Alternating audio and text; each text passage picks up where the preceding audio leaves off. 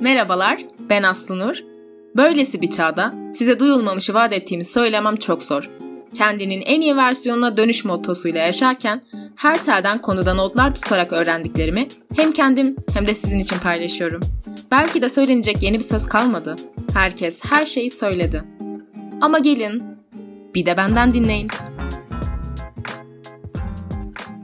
Evet, Ninja Kaplumbağaların üçüncüsü, Rönesans'ın süper zekalarından Rafael'i anlatıyorum bu bölümde. Böyle insanlara da hani bu kayıtları yaparken Ninja Kaplumbağa falan demem belki yakışık almıyordur ama. Bir kere Ninja Kaplumbağaları dörtleyelim diye başladık bu seriye. Bir de bu seri en çok dinlenenlerden biri oldu. Benim de hoşuma gidiyor. Kendim yaptım diye söylemiyorum ama sanatla alakalı hani bölümlerin böyle dikkat çekmesi, dinlenmesi falan beni ekstra mutlu ediyor.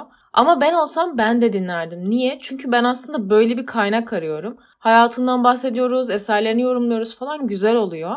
Zaten biliyorsunuz ben kendi dinlemek ve öğrenmek istediğim tarzda bölümler yapıyorum. Yani temelde bölümleri kendim için yapıyorum. Sizinle de paylaşıyorum. Mantık bu. Bu bölümde beni çok heyecanlandıran bir eser var. Onu da incelemek istiyorum. Bakalım nasıl olacak. Hayran olmamak zaten elde değil. Ben size yine ne anlatıyorsam görsel olarak bunları resimleri, heykelleri vesaire işte. Bunları açıklamalar kısmına koyacağım. Linklerden bakarsınız. Dinlerken oradan da inceleyebilirsiniz. Ya da uygun olduğunuz bir zamanda açın bakın. Hatta mutlaka bakın yani. Bu bir emirdir. O zaman hazırsanız uzatmadan başlıyoruz.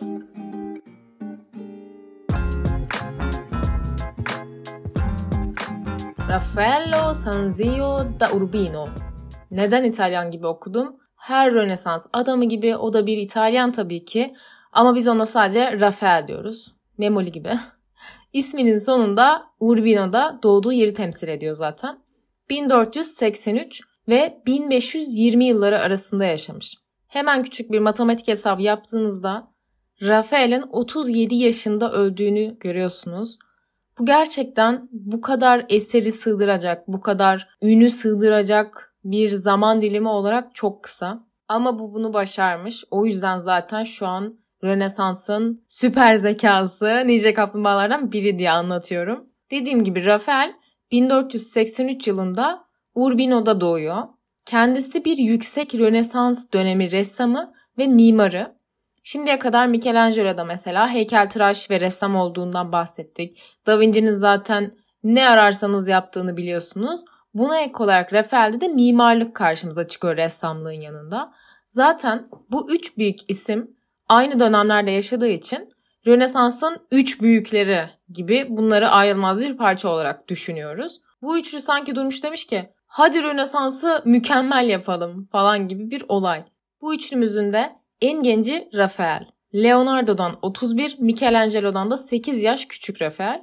Ya bu üçlü dedik ya aralarında da gerçekten çok ilginç bağlantılar var zaten. Ama böyle kilit nokta Rafael gibi. Mesela şu biliniyor. Rafael gerçekten Leonardo da Vinci'ye çok büyük bir saygı duyuyormuş ve onun eserlerini gördüğü andan itibaren zaten çok büyük bir ilham kaynağı olmuş ona. Mesela Mona Lisa'nın aslında onun birçok eserine ilham kaynağı olduğu biliniyor. Hani o beden duruşları, ışık tonlamaları, vurgulamaları ya da mesela en basitinden Mona Lisa'nın oradaki el hareketi meşhur elinin duruşunu bilirsiniz. Onu bile birçok portresine aktarmış. Hatta linklere koydum. Oradan bakabilirsiniz. Güzel bir sayfa var böyle kıyaslamış anlatmış falan. Hemen araya hayatının başlangıcını sokayım. Daha sonra bu e, Michelangelo ve Leonardo da Vinci olaylarına geri döneyim. Babası Giovanni Santi diye bir adam. Annesi ise Magia di Battista Ciarla. Bu ikisinin oğlu Rafael. Ama annesi klasik yine hikayelerimizde illaki bir anne ya da baba ölüyor. 1491'de ölüyor. Babası Giovanni Santi ise bir saray ressamı. Her bölümde illaki adını geçiriyorum. Bu 16. yüzyılın ressamı bir de biyografi yazarı Giorgio Vasari var ya işte sanki adam resmen kitap değil de böyle herkes hakkında dedikodu kitabı yazmış o dönem ama iyi ki yazmış. Çünkü o kitap sayesinde hani doğru olduğu varsayılan diyeyim böyle ressamlar hakkında bir sürü bilgi var. Onun aktardığına göre babası öyle hani pek de önemli bir ressam değilmiş falan diye geçirmiş yazılarında. Yine de adamcağız hani ben de böyle söyleyince biraz üzüldüm. Adamcağız yani çocuğuna ilk böyle resim eğitimlerini vermiş. Sonuç olarak bir kültür adamı olduğu için o camiaya adapte etmiş Rafael'i. 1494'te de o da ölmüş zaten. Nedense Rafael'in gençlik yıllarına dair çok fazla bilgi yok. Yani gençlik demeyeyim ama bu hayatının ilk dönemleriyle alakalı çok fazla yazılan bir şey yok. Tabii ki daha sonra bu Floransa, Roma gibi asıl Rönesans'ın merkezi olan yerlere gitmiş. Ama onun öncesinde bu Urbino'da geçirdiği ve orada sarayda vesaire aldığı eğitimler tüm temelini oluşturmuş ressam olarak. O şehir de yani Urbino da o kadar bomboş bir şehir değilmiş. Orası da gerçekten kültürel olarak canlı bir şehirmiş. O yüzden 16. yüzyılın başında düşünün sadece 17 yaşında olan birinin yani olağanüstü bir yeteneği var ve bunu sergiliyor. Kesinlikle o ortam bunu teşvik etmiş. Leonardo demiştik. Zaten Rafael'in Floransa taraflarına ilk gelmesi 1504 yıllarında olmuş. Tabi o zamanlar zaten Da Vinci, Da Vinci yani hani. Rafael de onu ziyarete falan gitmiş böyle eserlerini görmüş. Gerçekten eserlerinden çok etkilenmiş. Ama buraya gelinceye kadar öncesinde 15. yüzyılın sonlarına doğru artık bir noktada bilmiyorum tam tarihini bilmiyoruz. Urbino'yu terk etmiş ve Umbria diye bir yere taşınmış. Burada Pietro Perugino'dan dersler almış ve aslında o zamana kadar onun eserlerinden o kadar etkilenmiş ki yani bir nevi kendisi resmen böyle kopya karbon kağıtları falan olur ya hani çizersin altına aynısı geçer. Artık öyle bir noktaya gelmiş ki eğitiminin sonunda ustası mı yaptı o mu yaptı hani karar verilemez. Müthiş benzerlikte eserler ortaya çıkarmaya başlamış. Perugino o açıdan bayağı önemli Rafael'in hayatında. Onun verdiği bu workshoplarla diyelim ressamlık kariyerini parlatmış, başlatmış, devam ettirmiş. Perugino'nun çizdiği figürlerde de baktığınız zaman böyle insan figürleri sade, arka planlar daha sade, temiz çalışmalar yapan bir artist yani öyle özetleyebilirim. İşte zaten bu zamanlarından sonra da Floransa'ya geliyor. Bizim üç büyüklerimiz Floransa'da tamamlanmış oluyor. Zaten dediğimiz gibi Leonardo ile tanıştıktan sonra biraz daha o Perugino'nun etkisinden çıkıyor. Mesela özellikle Leonardo'nun insan bedeni, duruşu, anatomisi hakkında bilgilerini zaten biliyoruz. Onun bu özelliklerini resimlerde gözlemlemiş ve biraz daha kendininkilere uygulamaya çalışmış. Şimdi Michelangelo'ya gelelim. Bu ikisinin arası hiç iyi değilmiş. Yani ikisi resmen bir yarış halindelermiş.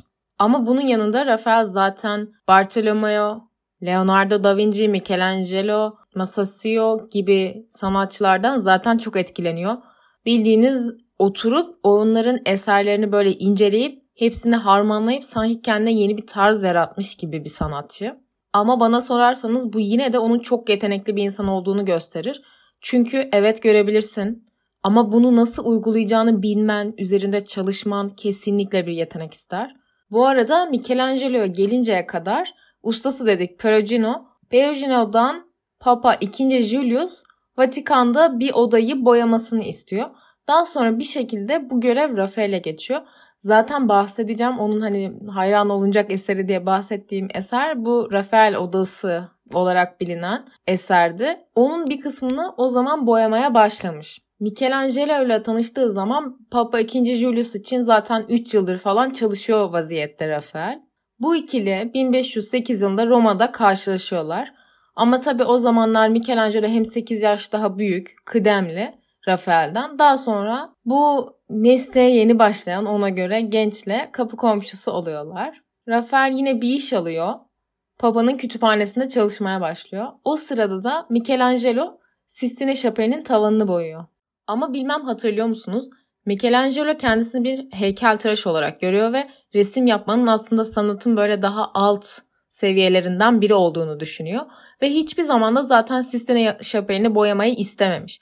Orada yine ben Rafael'in adını geçirmiştim ve Rafael'in böyle işte papam burayı da Michelangelo mu boyasa falan gibi tavırları yüzünden aslında Sistine Şapeli'ni boyamak zorunda kaldığını anlatmıştım. Burada sanırım yine böyle bir olay var ve bu ikiliyi bir rekabete sokuyor. Çünkü ikisi de bir boyama yapıyor ve aslında Rafael kendisinin daha iyi olduğunu düşündüğü için hani herkesin gözüyle görmesi için ikisini net bir şekilde karşılaştırabilmeleri için aslında Michelangelo'yu böyle bir olayın içine dahil ediyor gibi oluyor. Sırf bu yüzden zaten Michelangelo nefret ediyor Rafael'den. Michelangelo sonunda hani bizim ağzımızı açık bırakacak kadar güzel bir şey ortaya çıkarmış olsa dahi kendisi mesela hiçbir zaman aslında bununla övünmüyor. Ve yaptığı işi resmen nefret ederek yapmış. Vasari'yi biliyorsunuz demin de bahsettim bu biyografi yazarı. Normalde gerçekten Michelangelo'yu hani Rönesans'ın tanrılarından biri gibi falan gören bir insan. Ama o bile yazdıklarında şunu kabul etmiş.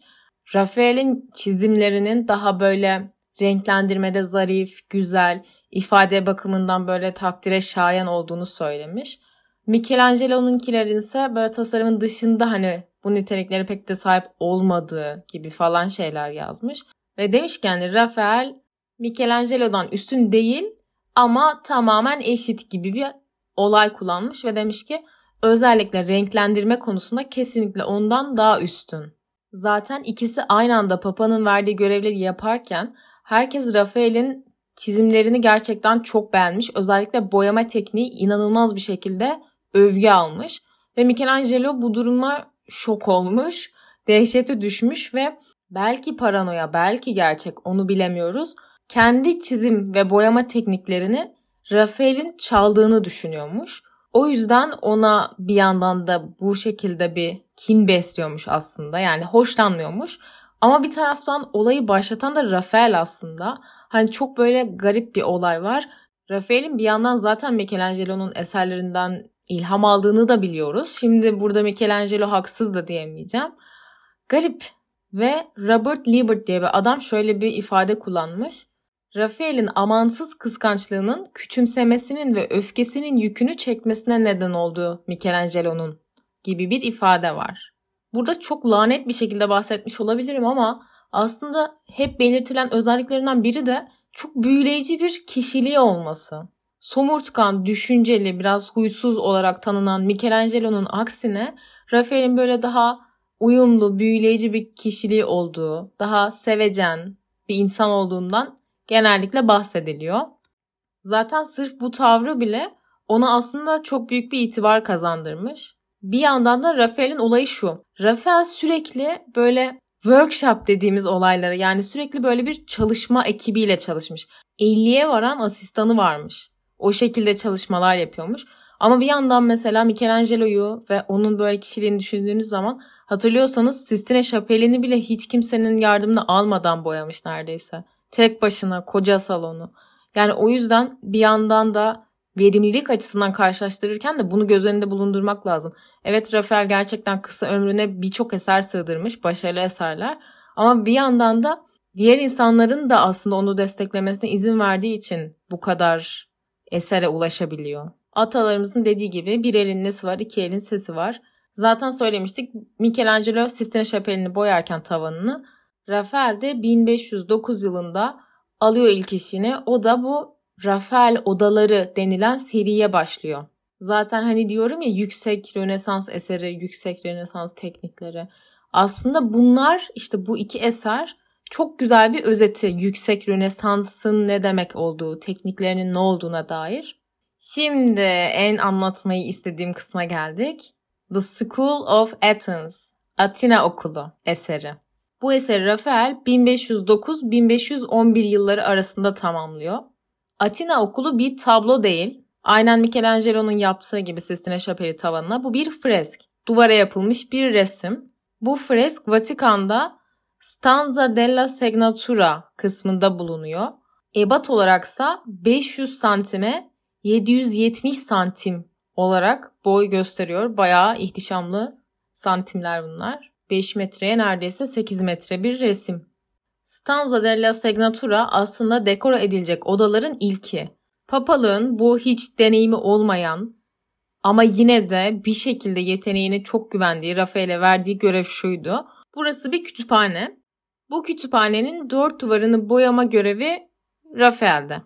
Boyayacağı şeylerse beşeri bilimlerin dört dalı. Bakın şimdi o zaman bu beşeri bilimlerin dört dalının ne olduğu düşünülüyor, neye karar verilmiş. İlk felsefe tabii ki ve ben size felsefe olanı anlatacağım. O zamanlarda felsefe dediğimiz şey aslında bugün bilim dediğimiz şeyi de içeriyor kendi içinde. Felsefenin hemen karşısında teoloji var. Bu da dinle alakalı yani ilahiyatla alakalı bir duvar demek. Papalığın içine bir şey herhalde çiziyorsan bence de böyle bir şey yapman gerek. Diğer iki duvardaysa şiir ve adalet, hukuk var yani. Tavanda vesaire de bunların tamamlayıcı imgelerini görebiliyoruz. Hani diyordum ya Michelangelo acaba belki de paranoyaklık yapıyor. Ama gerçekten eserleri incelediğiniz zaman Sistine Şapeli'nde olan ve burada olan duruşları bile baya baya aynı olan figürleri görebilmeniz mümkün. Ama bir yandan düşününce gerçekten bir insanı böyle hani duvara çiziyorsun, fresk yapıyorsun. Acaba ne kadar farklı türlü çizebilirsin? O ihtimalleri de tabii düşünmek lazım. Çok geniş belki olmasa gerek. Aslında bu odanın şöyle de bir özelliği var. Şimdi düşünün papalık gibi bir makam din ve hümanistik bilimlerin aslında eşit olduğunu, bunların hepsinin bir beşeri bilim olduğunu ilan ediyor. Papa 2. Julius tarafından bunlar yaptırılıyor ve aslında bu tarihte çok özgürlükçü bir an kilise açısından. Şimdi gelin bu eseri incelemeye başlayalım. Benim en sevdiğim kısım. Ben size yine linklere bırakıyorum bu eseri. Siz de oradan açıp inceleyebilirsiniz ben anlatırken. Şimdi en başta belirtmek gerekirse bu da yine içerisinde gizli mesajlar barındıran bir eser. Burada 59 tane figür görüyoruz. Ama hiçbirinin kim olduğu hiçbir yerde yazmıyor. Yani burada atıyorum bu şahıs budur falan. Böyle bir şey yok. Bunların hepsi birer çıkarım. Yanlış ve yersiz çıkarımlar mı? Hiç zannetmiyorum. Çünkü anlatacaklarımı dinleyin. Rafael bize çok güzel ipuçlar vermiş resmin içinde.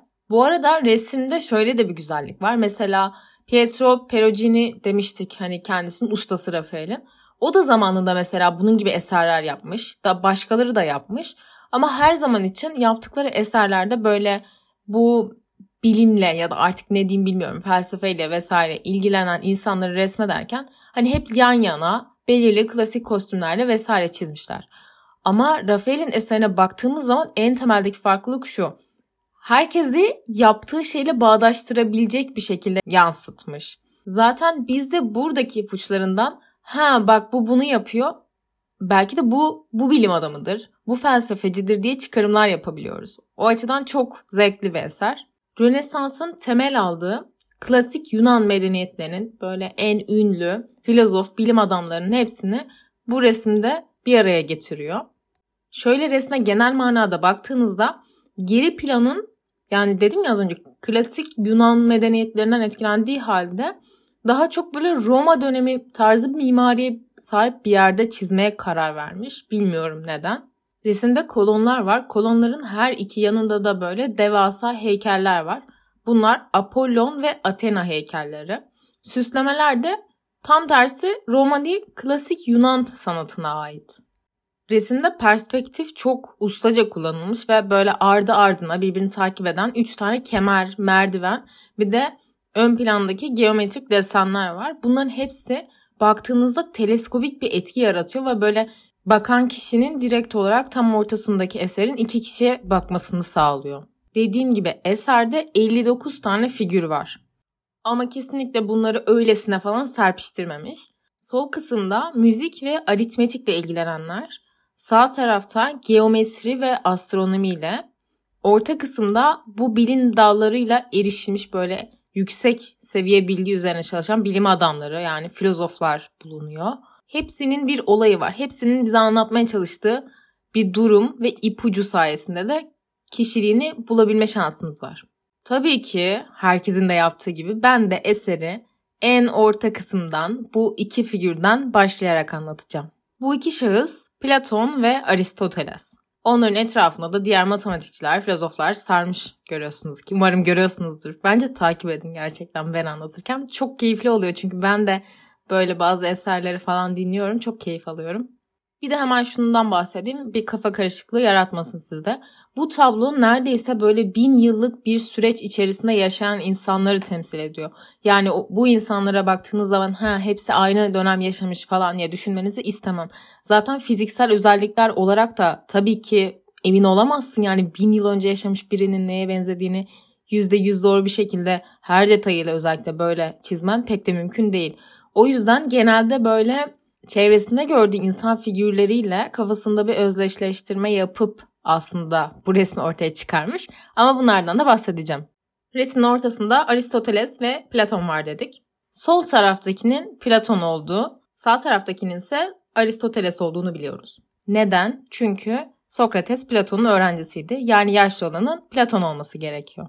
Şimdi bakın detaya bakın. Sol taraftakiler hani dedim ya sağ sol diye resim ayrılıyor. Sol tarafta kalanlar Platoncu düşünceye yakın olanlar. Sağ taraftakiler Aristoteles düşüncesine yakın olanlar. Bunun da yanında daha bitmiyor. Apollon ve Athena heykelleri var diye. Sol tarafta kalan Apollon ve genelde Hazreti İsa ile özdeşleştirilen bir simge, ışık tanrısı olarak biliniyor. Daha böyle ruhani bir aslında anlamı var. Sağ tarafta kalansa Athena ve Hazreti Meryem'i temsil ediyor. Athena da akıl ve erdemleri temsil ettiği için Aristo tarafında imgelenmiş. Vay be detaylar şimdiden. İlk iki figürümüz klasik Yunan felsefesinin çok önemli iki karakteri Platon, Aristoteles. Sol taraftaki Platon'dan başlıyoruz. Dediğim gibi Platon yaşlı görünümlü olduğu için onun Platon olduğunu varsayıyoruz zaten. Baktığımızda ayakları çıplak. Buna karşın Sokrates'in ayağında yine ayakkabılar olduğunu görüyoruz. Ve ikisi de böyle yürüyorlar ve hararetli bir şey tartışıyor gibi görünüyorlar. Platon'un şöyle bir ünü var. Platon derslerini yürüyerek anlatırmış. Bunun sebebi de hareketli bir bedenin hareketli işe yarayan bir ruha delalet ettiğini düşünüyormuş. Şimdi burada durun ve bir saniye böyle Platon'a dikkatli bakın. Size birini hatırlatıyor mu? Gözünüz bir yerden ısırıyor mu? Aynen öyle. Bunu resmederken Rafael aslında Leonardo da Vinci'den bir ilham almış. Buradan da aslında onun böyle hani felsefenin bel kemiği, mihenk taşı olan bir karaktere benzeterek onu figür olarak addederek de ne kadar değer verdiğini, onu nasıl bir yerde gördüğünü anlayabiliriz zannediyorum. Çünkü dediğim gibi takdir edersiniz ki adam hayatında hiçbir zaman Platon'u görmedi. Platon dedik evet yaşlı ama baktığınız zaman böyle hani çok kendi halinde sakin küçük bir yaşlı değil. Platon hani gayet heybetli duruyor. Bunun sebebi de aslında Platon'un kelime anlamı olarak böyle heybetli, iri, geniş anlamlarına gelmesi. Buradaki en önemli detaylardan biri aslında ellerinde bulunan kitaplar. Burada Platon elinde tuttuğu kendi kitabı olan Timaeus kitabı. Burada kitabı tutuş şeklinin bile bir anlamı var. O da şu. Dikkat ederseniz kitabı dik tutuyor. Yani yer ve gök arasında bir bağlantı olması açısından sanki böyle yerleştirilmiş gibi. Bu kitap da zaten öylesine konmuş bir kitap değil figüre. Platon'un en meşhur olduğu olay zaten idealar dünyası fikrini ortaya atmış olması. Genel olarak Platon görünmeyenle hep böyle daha teorik olan soyut şeylerle ilgilenmiş bir filozof. Bir nevi idealar kuramı da bir metafiziksel görüş aslında. Platon'a göre hiçbir şeyin en mükemmel formunu aslında dünyada bulamayız. Ama bunun göklerde en mükemmel formu aslında mevcuttur. Yani aslında bu gökler dünyasında bir hiçlik değil de tam tersi buraya yansıyan oradaki mükemmellik yüzündendir. Yani bütün bilginin kaynağının gökler yani dünya dışı bir alem olduğunu söylüyor. Ve dikkat ederseniz buradaki freskede parmağıyla yukarı yani yine gökleri gösteriyor. Mükemmel detaylar var gerçekten freskte. Mesela üzerindeki renk kırmızı değil mi? Hatta kırmızının altında kalan da böyle morumsu, pembemsi, eflatunumsu bir renk.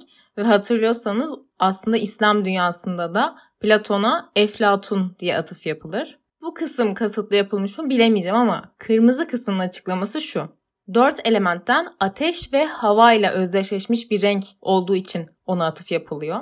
Ve bunlar aslında en soyut olan elementler. Yani Platon'un daha böyle soyut, daha rahmani bir adam olmasının bu renkle özdeşleşmiş imgesi diyelim. Aristoteles'e geçecek olursak o da hocasının yanında yürüyor ve ikisi de dediğim gibi yine hararetli bir tartışmanın içerisinde gibiler. Bir şey açıklıyorlar beden dilleriyle ve yine el işareti var ve elinde de bir kitap tutuyor.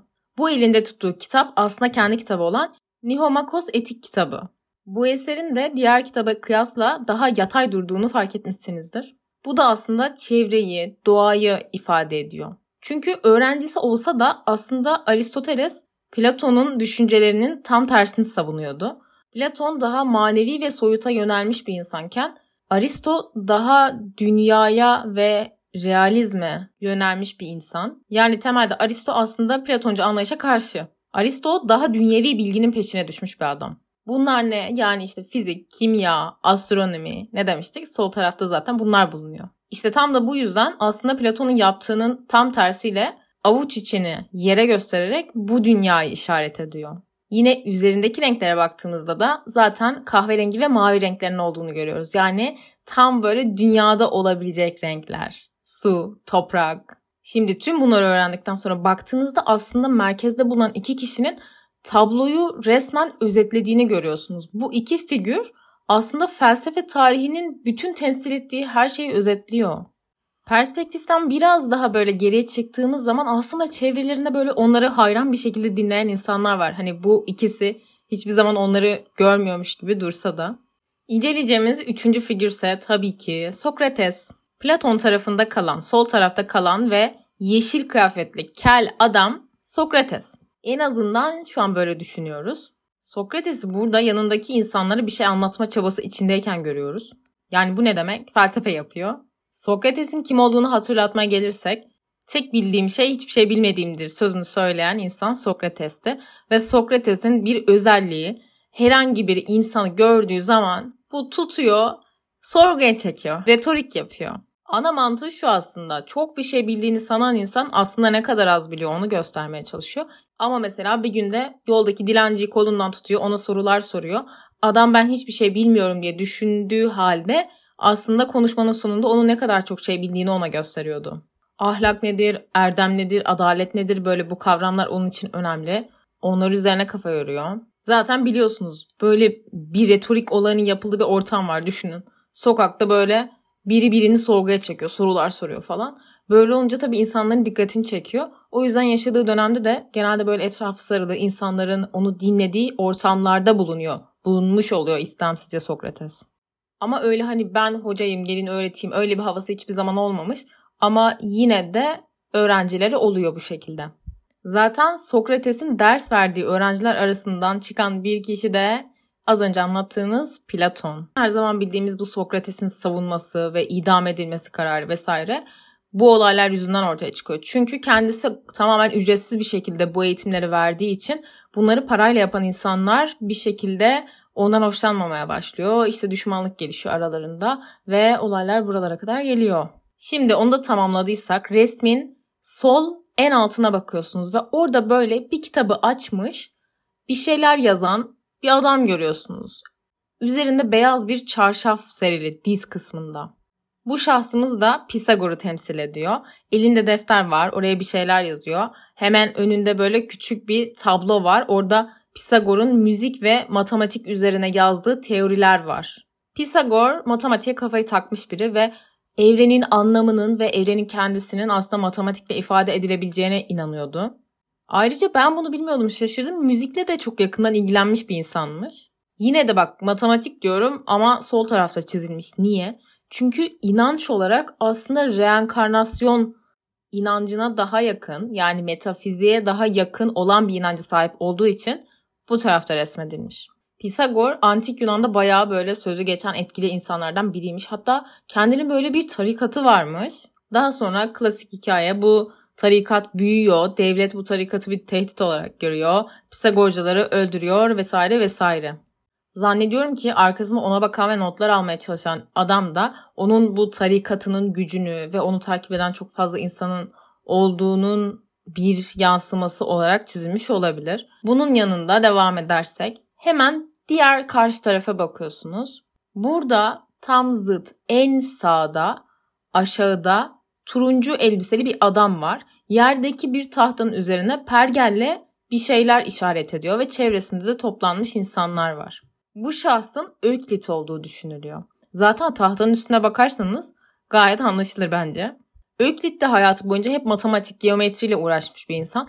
Ama hayatın hiçbir döneminde Pisagor gibi böyle tarikat kurmuş ya da manevi yönünü çok fazla belli etmiş bir insan değil. O yüzden bu ikisinin böyle birbirine epey zıt yerleri yerleştirmiş olması çok da garip değil. Gayet mantıklı bir seçenek. Burada çizdiği figürün de Rafael'in bir arkadaşından esinlenerek, mimar bir arkadaşından esinlenerek çizildiği düşünülüyor. Şimdi benim en sevdiğim kısma geldik. Burada yeni bir karakterimiz.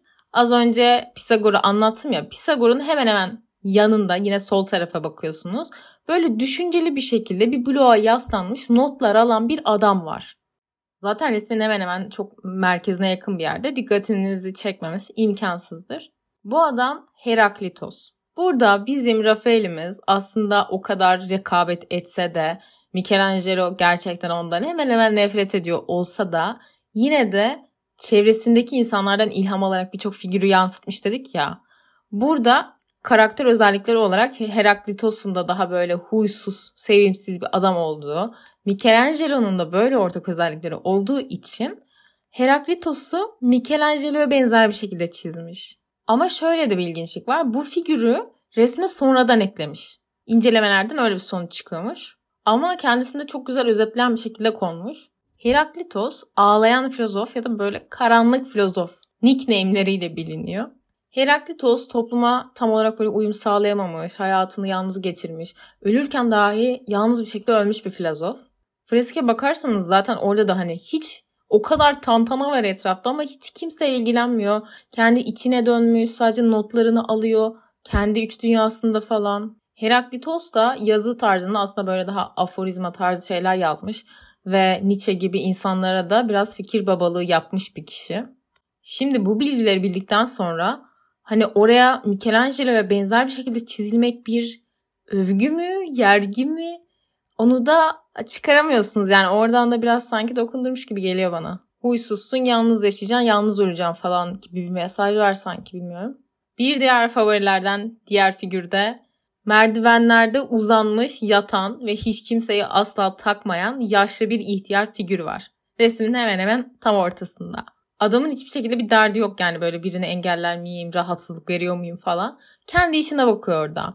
Kim yani hangi filozof böyle vurdum duymaz bir tavrıyla ve biraz aykırılığıyla tanınıyor? Tabii ki Diyojen. Diyojen tamamen neredeyse toplumdan kendini böyle soyutlamış ve bir fıçı içerisinde yaşamaya başlamış bir filozoftu. Bir şeye ihtiyacı olduğunu düşünmüyordu. Hatta böyle bir su tası varmış ve bir gün su içmeye gittiği zaman orada bir çocuğun ellerini suyu doldurup ellerinden su içtiğini görmüş ve o manzaradan sonra tutmuş bu su tasını da kırmış atmış ve o zamandan sonra tek mal varlığı sadece içerisinde yaşadığı fıçı olmuş diye bir rivayet var. Hatta bu Büyük İskender işte ben senin kulun kölen alayım sen şöyle işte bilgi adamsın falan diye edebiyat yapmış yapmış ona. O da demiş ki gölge etmeye başka ihsan istemem. İşte bu reis Diyojen oluyor. Çünkü kendisi aslında insanın tamamen doğaya uygun bir hayat öğretisine sahip olması gerektiğini düşünüyor. O yüzden bakarsanız da sağ tarafa biraz daha yakın. Erdem dediğimiz olayın en büyük avantajı, en büyük getirisi aslında kişiyi özgür kılmasıdır diyor. Zaten bu mertebeye ulaşmış insan da bütün isteklerinden sıyrılacağı için hani dünyevi hiçbir hırsı arzusu kalmamış oluyor. Dünyadan ziyade hakikate değer vermek gerek diyor. Ama hani bunu tam olarak Platoncu bir bakış açısıyla söylemiyor. Diğer iki figürümüz, iki figürü anlatacağım şimdi. En sağda sarı kıyafetli olan ve onun hemen karşısındaki sakallı kişi.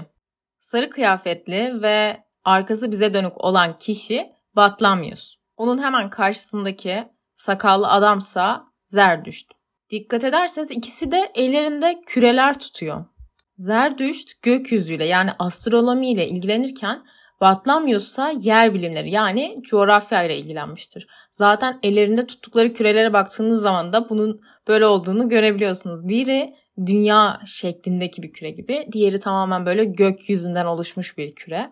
Batlamyus'un arkasını dönük bir şekilde resmedilmesinin sebebi Rafael zamanına kadar hani yapılmış herhangi bir büstü olmadığı için onu arkadan görünür bir şekilde çizmiş deniyor. Biliyorsunuz belki kulağınıza çalınmıştır Zerdüştlük diye bir din var. İşte o Zerdüşt, oradaki Zerdüşt bu Zerdüşt yani kendisi zamanla dini bir lidere bile dönüştürülecek kadar önemli bir insanmış. Yine bu ikisinden sıyrılıp hemen onların yanında yine en sağda sanki bizi böyle resmin içinden gözetliyormuş gibi tamamen bizimle göz teması kuran biri var. İşte o kişi ünlü ressam Apelles deniyor. Ama buradaki ilginç olan şey şu. Aslında bu kişi kim biliyor musunuz? Rafael'in kendisi yani Apelles'i çizerken kendisi olarak resmetmiş onu. Evet Apelles de bir ressam, kendisi de bir ressam. O yüzden böyle bir aktarım yapmış. Burada yine kendisi de hani hiç kimseyle ilgilenmiyor. Direkt olarak bizimle ilgileniyor. Fresk eğer dikkat ederseniz aynı bu şekilde bir tepki veren yani herkes birileriyle ilgilenirken hani kendisi de dahil olmak üzere hani buradaki bu Apelles figürü bize bakıyor. Bunun gibi bir figür daha var. O da yine sol tarafa atlıyoruz. Heraklitos'un hemen yanındaki değil de onun hemen yine yanındaki böyle beyaz bir cübbe giymiş kişi. O da direkt olarak bize bakıyor. Hiçbir şeyle ilgilenmiyor. İşte bu şahıs resimdeki tek kadın akademisyen. Kendisi İskenderiyeli Hypatia. Kendisi matematikte, astronomide bir uzmandı. Hani demiştim ya aslında bu böyle bir aydınlanma kilise için falan diye böyle bir şeyin resmedilebiliyor olması. Hala yobazlıklar bitmiyor. Bu bir kadın olmasına rağmen bunu kadın olarak öyle bir tapınağın içerisinde resmedemezdi. Resmedilemiyordu. O yüzden Papa'nın yeğenine benzeyecek şekilde bunu resmetti Rafael. Resmetmiş diyeyim. Sanki gördüm gözümle de böyle. Şimdi de onun hemen yanında böyle insanların üzerine eğilmiş, böyle biraz kızgın duran bir figür var. Daha bir Osmanlı bir duruşu var. Ve tam da öyle o kişi zaten bu freskin içerisindeki tek Müslüman karakter. Kendisi İbni Rüşd. İbni Rüşd'ü Pisagor'un arkasında resmetmişler. Zaten ona biraz böyle ilgi duyuyor gibi eğilmiş. Çünkü İbni Rüşd İslam camiası açısından böyle felsefe tarihi açısı bakımından felsefeye çok büyük önemli katkısı olmuş bir insan. Biliyorsunuz zaten zamanında Müslümanların da felsefeye büyük katkıları oldu. Bunların yanında müziğe, şiire dair de eserleri var. Bir sürü felsefe, tıp, yani böyle Müslümanların altın çağını yaşadığı zamanları biliyorsunuz. Hani her yine her şeyle ilgilenen insanlar falan. Onlardan biri bu. Böyle olunca da diyorlar ki aslında İslam felsefesi deyince aklımıza Gazali değil aslında İbn Rüşd'ün gelmesi gerekiyor. Çünkü aslında Gazali biraz daha felsefe yapılmamalı gibi bir duruşa sahipken İbn Rüşd tam tersini desteklemiş. Mesela Aristo'nun eserlerini Latinceye çevirmiş. Hani böyle olunca ne oluyor? İnsanların ulaşılabilirliği artıyor tabii ki bu tip şeylere. Bu bir katkı, katkıdır ve çok büyük bir katkıdır. Yine Sokrates tarafına sıçrayacak olursanız orada böyle askeri üniforma bir, giymiş biri var. Onun Alcibiades ya da Büyük İskender olduğuna dair bazı söylemler var. Onun hemen yanındakinin yine kim olduğuna dair Antistenes, Xenofon veya Timon olduğunu söyleniyor. Onun da hemen yanındaki insanın Esines veya Xenofon yine olabileceği söyleniyor. Bir diğer figür Heraklitos'un hemen yanında bulunan solunda sarı giymiş insan. Bu Parmenides ve Heraklitos'la Parmenides'in arasındaki çekişme aslında Platon'la Aristo'nun arasındaki olaya benziyor. Birbirlerinin zıttı bunlar. Bu yüzden de sanki Heraklitos'a böyle kasıtlı bir şekilde bakmayacak bir şekilde durmuş olarak resmedilmiş. Bu arada Parmenides de metafiziği ortaya koyan ilk filozof olarak biliniyor. O yüzden zaten sol tarafta. Bir diğer figür sağ tarafa atlıyoruz ve üst tarafa bakıyoruz. Orada turuncular giymiş yaşlı bir adam var. Bunun kasti olarak heykeltıraş Donatello'ya yani diğer ninja kaplumbağamıza benzetildiği düşünülüyor. Bu kişi Plotinus. Yine sol tarafa atlıyoruz. Orada böyle en solda mavi giymiş ve kafasında taç olan yapraklardan bir adam var. Kendi kendine bazı notlar alıyor. Bu kişi Epikuros yani Epikür. Epikür tam bir hedonist insanmış ve böyle zevki sefa, dünya işlerine falan çok önem verirmiş. Evet burada 59 figür var dedik. Ama bunların her biri böyle bir filozofu temsil ediyor diye bir şey yok. O yüzden artık böyle en son hani tamamlayıcı ögeler var gibi içinde. Mesela bunlardan bir tanesi en solda duran az önce bahsettiğimiz Donatello'ya benzeyen Pilotinus'un hemen yanında böyle duvara yaslanmış dizinin üzerinde not alan biri var ve onun onu da seyreden biri daha var. Bunların aslında burada temsil ettiği şey ise özgür düşünce. Yani herkes bir şeyler okuyup yazıp hani diğerleriyle ilgilenmiyorlar tabii bir de farkındaysanız.